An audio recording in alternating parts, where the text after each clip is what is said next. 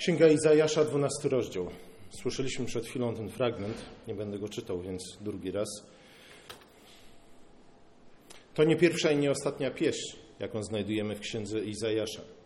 Prorok tym samym wpisuje się w tradycję ludu Bożego, któremu pieśń towarzyszyła w kluczowych momentach historii, odzwierciedlała te kluczowe momenty historii, ale też towarzyszyła im w cotygodniowym nabożeństwie. Pieśń, którą Izajasz śpiewa, czy też do której zachęca, aby lud, aby goś ją śpiewał, nawiązuje do pieśni Mojżesza z Księgi Wyjścia z 15 rozdziału.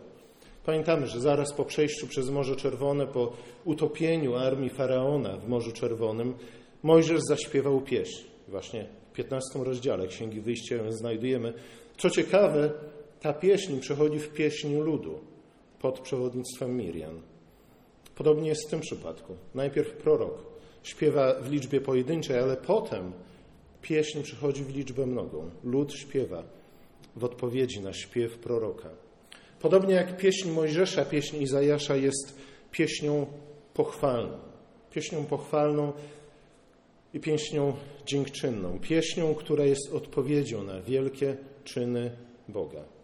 Co prawda w tym przypadku, w przypadku proroka Izajasza, prorok tu w 12 rozdziale mówi przyjdzie dzień, kiedy Izrael zaśpiewa tę pieśń. Przyjdzie dzień, kiedy Pan dokona równie wielkich dzieł w, jego, w życiu swojego ludu, jak dokonał ich w czasach Mojżesza, gdy wyprowadził lud swój potężną swoją dłonią z Egiptu. A zatem jest to pieśń dziękczynna, jest to pieśń wspólnoty, jest to pieśń pochwalna, jest to pieśń, która jest odpowiedzią na działanie Boga w życiu Bożego ludu. Pieśń jest właściwą odpowiedzią na działanie Boga w jego ludu, ze względu na to, co sam prorok mówi w swojej pieśni. Stwierdza: Pan jest mocą moją i pieśnią swojego ludu. Identyczne słowa znajdujemy u Mojżesza. Pan jest mocą i pieśnią moją. Związek między tymi dwoma frazami, które są niemalże identyczne w oryginale, podkreślony jest przez użycie archaicznego słowa hebrajskiego na pieśń. Tym słowem jest zimrat. Zanotujcie. Niektórzy komentatorzy, porównując te dwie pieśni, pieśń Izajasza i pieśń Mojżesza, dochodzą do wniosku, że właśnie z tym mamy do czynienia, z właściwą odpowiedzią na działanie Boga w życiu ludu, na moc okazaną przez Boga w Jego zbawczych dziełach. Ale wydaje się, że pieśń, zarówno pieśń Mojżesza, jak i pieśń Izajasza, ta oraz inne pieśni Izajasza są czymś jeszcze, oprócz odpowiedzią na działanie Boga. Przede wszystkim warto pamiętać o tym, iż e, pieśń to słowa i muzyka. Zgadza się? Bez muzyki nie będzie pieśni, bez słów też nie będzie pieśni. E, zawsze, kiedy tak naprawdę trudno jest określić granicę wyraźną pomiędzy słowem mówionym a pieśnią. To znaczy, jak słyszymy, to wiemy, że to jest pieśnią, to jest słowem mówionym, ale czasami ta granica jest na tyle niewyraźna, że nie jesteśmy w stanie stwierdzić, czy to jest słowo mówione, czy pieśń, czy może melorecytacja. Słuchajcie, za każdym razem, kiedy, kiedy jest duch zaczyna pobudzać nasze serce, niezależnie od tego, czy to jest dobry, czy zły duch, niezależnie od, od y, okoliczności, e, wchodzimy w stan ekscytacji, podniecenia, zgadza się? I wtedy to, co mówimy, zaczyna przybierać znamiona pieśni. Wtedy zaczynamy mówić coraz bardziej e, energicznie, może niekoniecznie rytmicznie, chociaż też, ale rytm nie jest, być może nie jest, może nie jest istotą muzyki. Kto wie, możemy o tym podyskutować później. Słuchajcie, za każdym razem, nie? pomyślcie o dziecku, które wraca ze szkoły i dostało yy, dwójkę zamiast jedynki, jak zwykle. Nie? Przychodzi całe rozekscytowane do domu i ich mówi i opowiada nie? I to opowiadanie jest czym? W którymś momencie niemalże staje się pieśnią właśnie ze względu na podniecenie, na, na ekscytację, która towarzyszy tej pieśni. Słuchajcie, ci z Was, którzy chodzili kiedyś na uniwersytet albo coś podobnego, wiedzą, że o wiele łatwiej słucha się też wykładowców, którzy tak naprawdę wkładają serce, jak to się mówi, w to, co mówią, nie? którzy mówią z podnieceniem, z ekscytacją. Dlaczego? Bo to jest niemalże pieśń. Nie? Pieśń sprawia, że jest więcej energii w tym, co mówimy. Z kolei wykładowca, który w sposób dość monotonny odczytuje swoje notatki, na przykład w ten sposób. Niektórzy komentatorzy uważają, że pieśń, o której mowa, jest odpowiedzią na moc okazaną przez Boga w Jego zbawczych dziełach. Słuchajcie, e, na zajęciach z takimi wykładowcami gramy w tysiąca, nie? A nie słuchamy tego, co mają do powiedzenia. Dlaczego? Ponieważ kiedy słowu towarzyszy duch, to słowo nabiera mocy. I dokładnie tak jest w Piśmie Świętym. Od samego początku tak było. Kiedy Bóg stwarzał świat, stworzył go przy pomocy słowa, ale temu słowu zawsze towarzyszy duch, zawsze towarzyszy boskie tchnienie. Tchnienie jest nośnikiem słowa. I być może nie jest to tak oczywiste z opisu stworzenia świata, ale w innych fragmentach, na przykład w Księdze Hioba, wiemy, że dziełu stworzenia towarzyszył tak naprawdę śpiew. Słowo nadaje strukturę stworzony, stworzonemu światu. Duch z kolei daje tym strukturom, czy wkłada w te struktury swoją moc. Słowo ukształtowało człowieka z prochu ziemi, ale to duch, tchnienie boskie ożywił człowieka. Prorok Sofoniarz stwierdza, że Bóg śpiewa. Dlatego my powinniśmy również śpiewać. Pan Twój Bóg w pośrodku Ciebie mocy zach... Nie. Pan Bóg Twój w pośrodku Ciebie mocny zachowa Cię, rozweseli Cię wielce nad, się wielce nad Tobą, przestanie na miłości swej przeciwko Tobie i rozweseli się nad Tobą ze śpiewem. Kiedy Bóg się weseli, to śpiewa. Dlatego my powinniśmy śpiewać, kiedy się weselimy. Słuchajcie, to jest kolejny dowód na to, być może pośredni, na to, że duch jest właśnie muzyką, która towarzyszy słowo, ożywia to słowo, nadaje mu energii i mocy. Izajasz dodaje, że jeśli Pan jest mocą i pieśnią naszą, wtedy możemy mu zaufać i nie lękać się. Słuchajcie, wydaje mi się, że te dwie, dwa stwierdzenia, moc Boża i pieśń, są niemalże synonimami. Moc Boża wyraża się w pieśni Bożej i w pieśni, którą my śpiewamy, naśladując Boga. A wtedy, dzięki tej mocy i dzięki tej pieśni, możemy Mu zaufać i nie lękać się. Słuchajcie, to jest bardzo ciekawe stwierdzenie, bardzo intrygujące, wskazujące na pewien porządek rzeczy. A mianowicie na taki, że pieśń pochwalna jest nie tylko odpowiedzią na doświadczenie mocy Bożej, powinna zawsze być odpowiedzią na doświadczenie Bożej, mocy Bożej, ale jest nie, nie, tylko, jest czymś więcej niż właściwą odpowiedzią na doświadczenie mocy Bożej. Jest w gruncie rzeczy źródłem naszej wiary i naszego zaufania. Jeśli pieśń Boża, którą my śpiewamy, jest mocą Bożą w naszym życiu, to znaczy, że ta pieśń może nie tylko i wyłącznie, ale również jest źródłem naszej wiary i naszego zaufania. Jeśli śpiewamy pieśń dziękczynną, pieśń pochwalną, to wtedy Pan Bóg działa w naszym życiu. To wtedy przy pomocy właśnie tej pieśni Bóg wzmacnia naszą wiarę i uwalnia nas od lęków. Dalej w księdze Izajasza ta właśnie koncepcja staje się jeszcze bardziej wyraźna. Gdybyśmy przekartkowali i poszli do 61 rozdziału, jest to rozdział, który Jezus, pamiętamy, na początku swojej służby, pierwsze kilka wersetów z tego rozdziału Jezus odczytał na, w synagodze w Nazarecie, po to, aby oznajmić początek swojej misji. Izajasz w tym fragmencie niesie pociechę, niesie słowo pocieszenia dla tych, którzy są złamani na duchu i tych, którzy są pogrążeni w żałobie. Słuchajcie, jak mówiliśmy wielokrotnie, nie ma nic gorszego, jak bycie złamanym na duchu. Nie? Jeśli człowiek jest złamany na duchu i nie ma komu, by go pocieszyć, to tak naprawdę ten człowiek już za życia zaczyna doświadczać męk piekielnych. Izajasz niesie słowo pocieszenia dla złamanych na duchu i pogrążonych w żałobie.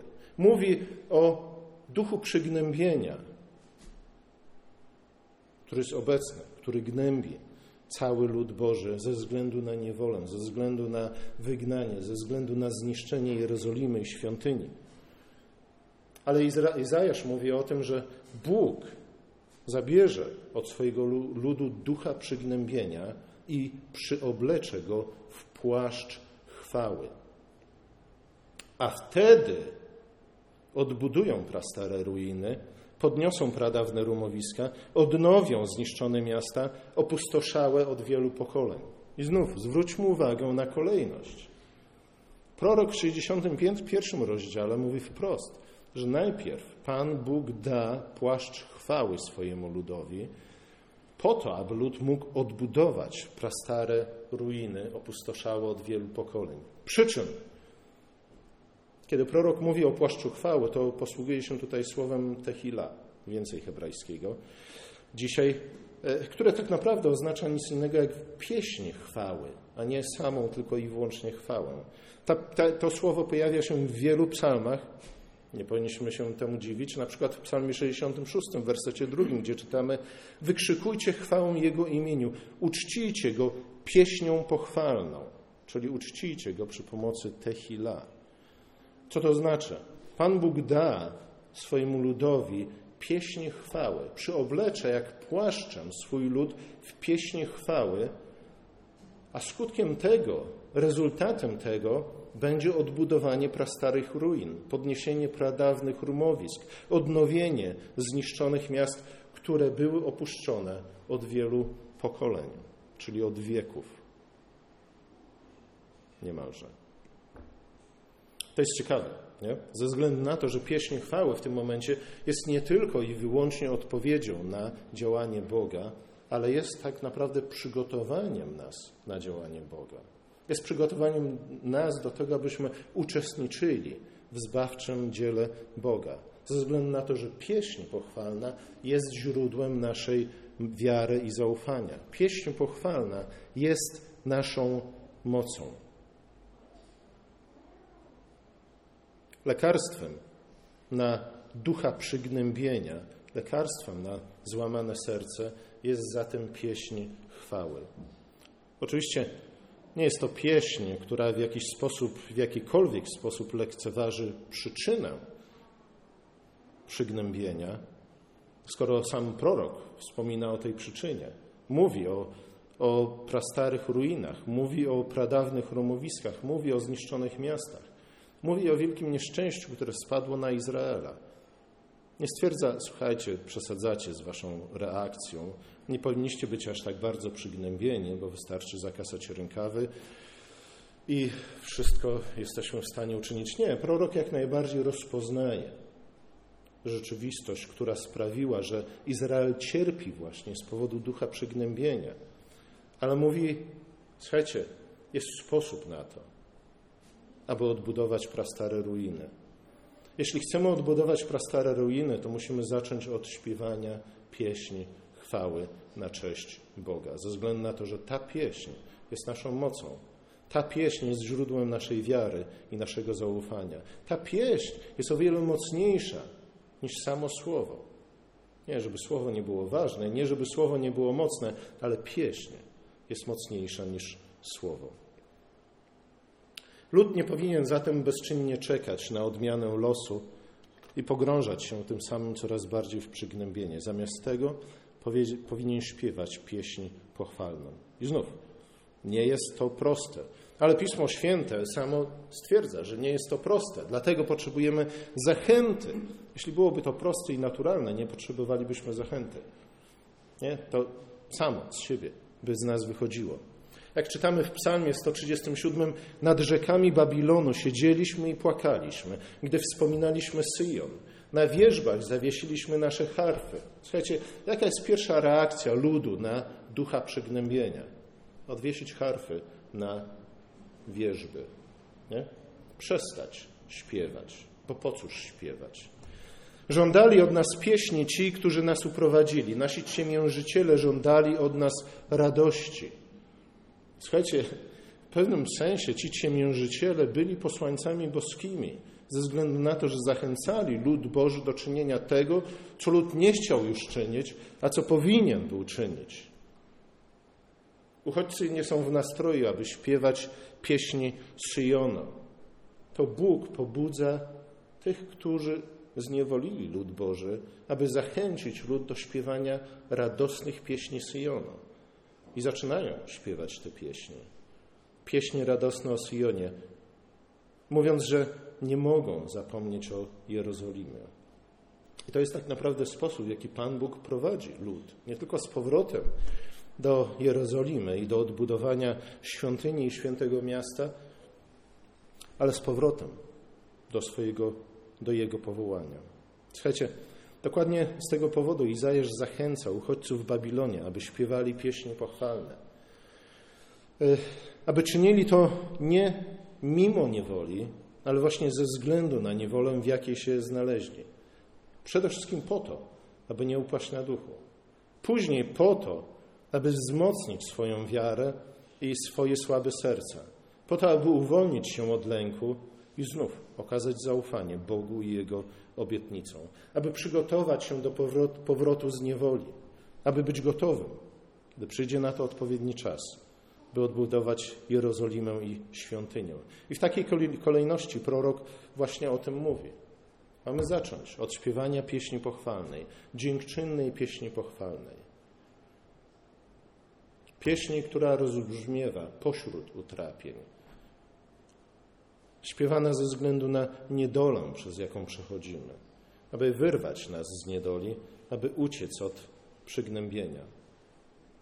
A zatem pieśń pochwalna jest, jest wyrazem wiary, wdzięczności, zaufania, ale pieśń pochwalna jest również źródłem tej wiary, ufności i mocy. Kiedy Mojżesz śpiewał pieśń pochwalną Bogu w 15 rozdziale Księgi Wyjścia, po tym jak Pan Bóg utopił armię Faraona w Morzu Czerwonym, śpiewał nie tylko po to, aby podziękować Panu Bogu, ale śpiewa również dlatego, że wiedział, iż lud Boży przez kolejne dni, miesiące, może lata wędrówki przez pustynię ku ziemi obiecanej, a nawet po tym, jak wyjdzie do ziemi obiecanej, będzie musiał pamiętać o tym, co Bóg uczynił tego dnia. Pieśń pochwalna jest pamiątką wielkich czynów Bożych, a zatem przypomina nam o tym, kim Bóg jest, co nam obiecał i do czego jest zdolny i co jeszcze uczyni w naszym życiu. A musimy pamiętać o tym, że Pan Bóg będzie czynił w naszym życiu jeszcze, rzeczy jeszcze większe niż te, które wcześniej uczynił. Kiedy śpiewamy pieśń pochwalną, wtedy Pan Bóg wzmacnia naszą wiarę, leczy nasze serca, podnosi nas na duchu, napełnia nas swoją mocą, mocą swojego ducha. Mówi o tym Paweł w liście do Efezjan. Nie upijajcie się winem, w którym jest rozwiązłość, ale napełniajcie się duchem. Mówcie do siebie psalmami, hymnami i natchnionymi pieśniami. Śpiewajcie i grajcie waszym sercem Bogu. Słuchajcie, sam Pan Bóg w jednej z pieśni, które nam dał, w psalmie 104 mówi, że Bóg dał nam wino po to, aby rozweselało nasze serca. Ale oczywiście nie powinniśmy zapominać o tym, że możliwości rozweselenia naszych serc przez wino są ograniczone. Również o tym, przed tym przestrzega nas Pismo. Kto szuka pocieszenia tylko i wyłącznie w winie, bardzo szybko przekona się, że możliwości rozweselające wina są ograniczone. Wino jest bowiem symbolem mocy ducha, ale to właśnie z ducha możemy czerpać moc prawdziwą, moc nieograniczoną, ponieważ Bóg jest nieskończony. A czerpiemy tę moc poprzez psalmy, hymny i natchnione pieśni. Medycyna współczesna wykazała jednoznacznie, iż muzyka działa na nasze organizmy, na nasze serca i nasze umysły, umysły na nasz y, system produkcji hormonów między innymi Niemalże dokładnie w taki sam sposób jak, jak co? Jak Duch Święty. Nie, medycyna oczywiście współczesna nie badała Ducha Świętego, ale, ale działanie wina na, na nas, działanie, działanie przede wszystkim roz, rozweselające, podnoszące duchu, na duchu jest bardzo podobne do działania muzyki. I to już medycyna współczesna była w stanie zbadać i udowodnić. Nie? Działanie wina i działanie muzyki jest bardzo podobne. Zwłaszcza jeśli słuchamy muzyki, którą lubimy słuchać. Słuchajcie, ile razy, kiedy byliście przygnębieni, ile razy w ogóle byliście przygnębieni? Byliście kiedyś przygnębieni? Nie. Ale słuchajcie, ile razy, kiedy inni ludzie koło was byli przygnębieni, w jaki sposób próbowali uleczyć się, wyjść z tego dołka, z tej deprechy? No, albo sięgamy po kieliszek wina, albo zaczynamy słuchać muzykę, którą lubimy, ze względu na to, że działanie jednego i drugiego na nasz organizm jest niemalże identyczne. Nie? Muzyka, którą lubimy, podnosi nas na duchu. Jeśli wino i muzyka są w stanie dokonać tak wielkich cudów, nie? to jest niemalże cud eucharystyczny. Nie? Jak to możliwe, żeby chleb i wino były w stanie zdziałać tak wielkie rzeczy, jakie twierdzimy w oparciu o Pismo czynią. Nie? Jak to możliwe, żeby wino i muzyka były w stanie podnieść nas na duchu? Nie? Jak to możliwe, żeby to, co przychodzi do nas z zewnątrz i dopiero napełnia nas, było w stanie zmienić to, jak czujemy się wewnątrz? Wydaje mi się, że dzieje się tak nie tyle ze względu, jak niektórzy twierdzą, procesy ewolucyjne, ale właśnie ze względu na to, iż muzyka i wino zostały stworzone przez Boga po to, aby być symbolami Ducha Świętego. Dlatego działają w podobny sposób, chociaż oczywiście daleko, zdecydowanie daleko im od mocy Ducha. Dlatego ważne jest to, żebyśmy, kiedy czujemy się przygnębieni, słuchali nie tylko Johnego Kesha albo coś w tym rodzaju, żeby podnieść się na duchu, żebyśmy nie tylko sięgali po, po lampkę wina, ale przede wszystkim, żebyśmy czynili dokładnie to, do czego zachęca nas Paweł w liście do Efezjan. Abyśmy mówili do siebie nawzajem psalmami, hymnami, natchnionymi pieśniami, ze względu na to, że to one są źródłem naszej mocy, źródłem naszej wiary i źródłem naszej ufności. Jest to moc, która jest w stanie podnieść nas z żałoby.